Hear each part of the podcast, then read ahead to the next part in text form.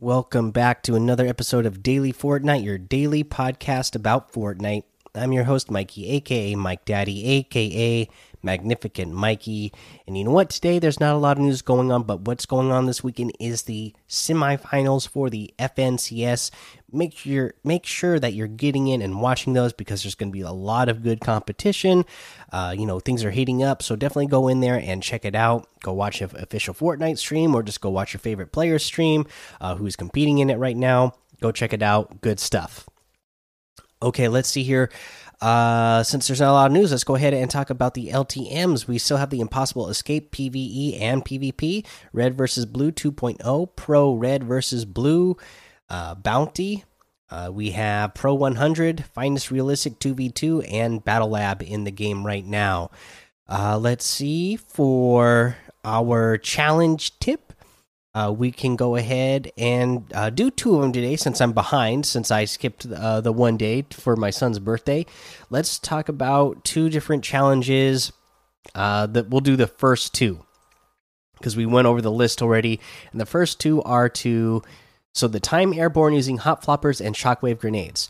Obviously, if you use a hot flopper and or a shockwave grenade on the ground, you are going to get some time, but not very much time. So, uh, you know, beneficial places to go are like top of mountains to use a shockwave grenade, or of course, this is Fortnite, so you can build. So, just get a bunch of builds, build way up high in the sky. You don't have to worry about it because you're going to have those shockwave grenades uh, and launch yourself off and uh, be airborne for a really long time.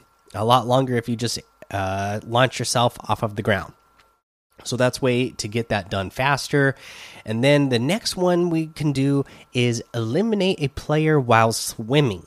Okay, this can be kind of tough because a lot of this areas are rivers, right, around the map, and uh, you know, a lot of people aren't just hanging out around by the river. So there's a couple of places that can be good to go.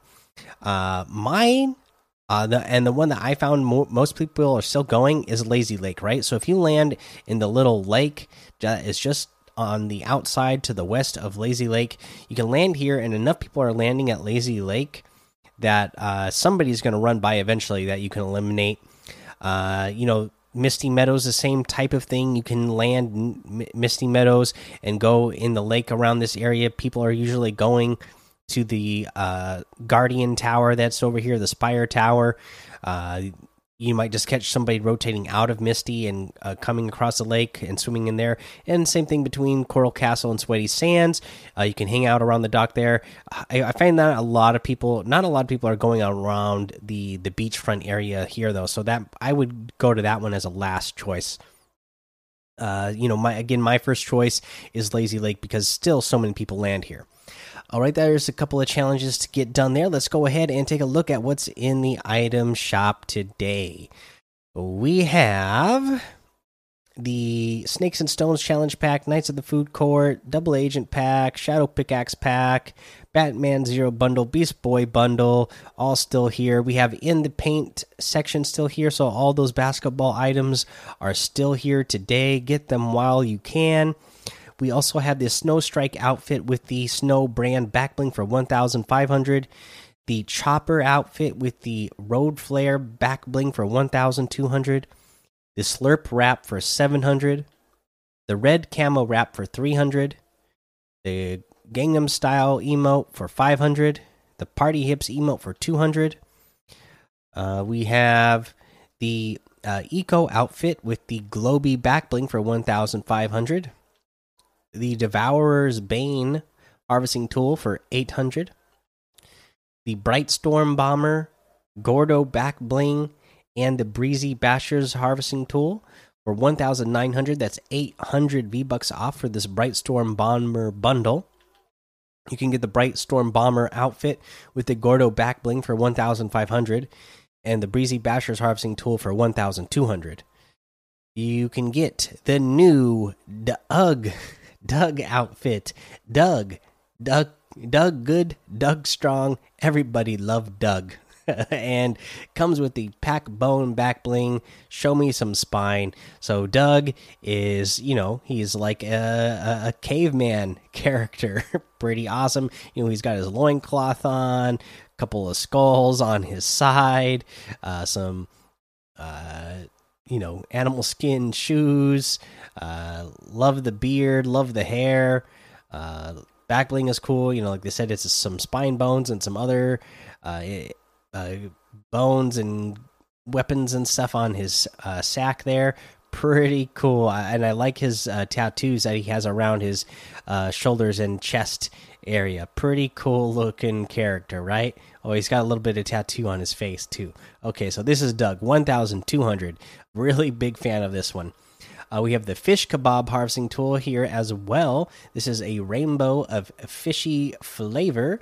Uh, this is 800 V bucks. This is also part of the caveman set, uh, and it is a spear, and then it's got a uh, let's here one, two, three, four different fish uh, speared through uh, on it. So you know that's why it's the fish kebab. This is actually pretty cool looking as well.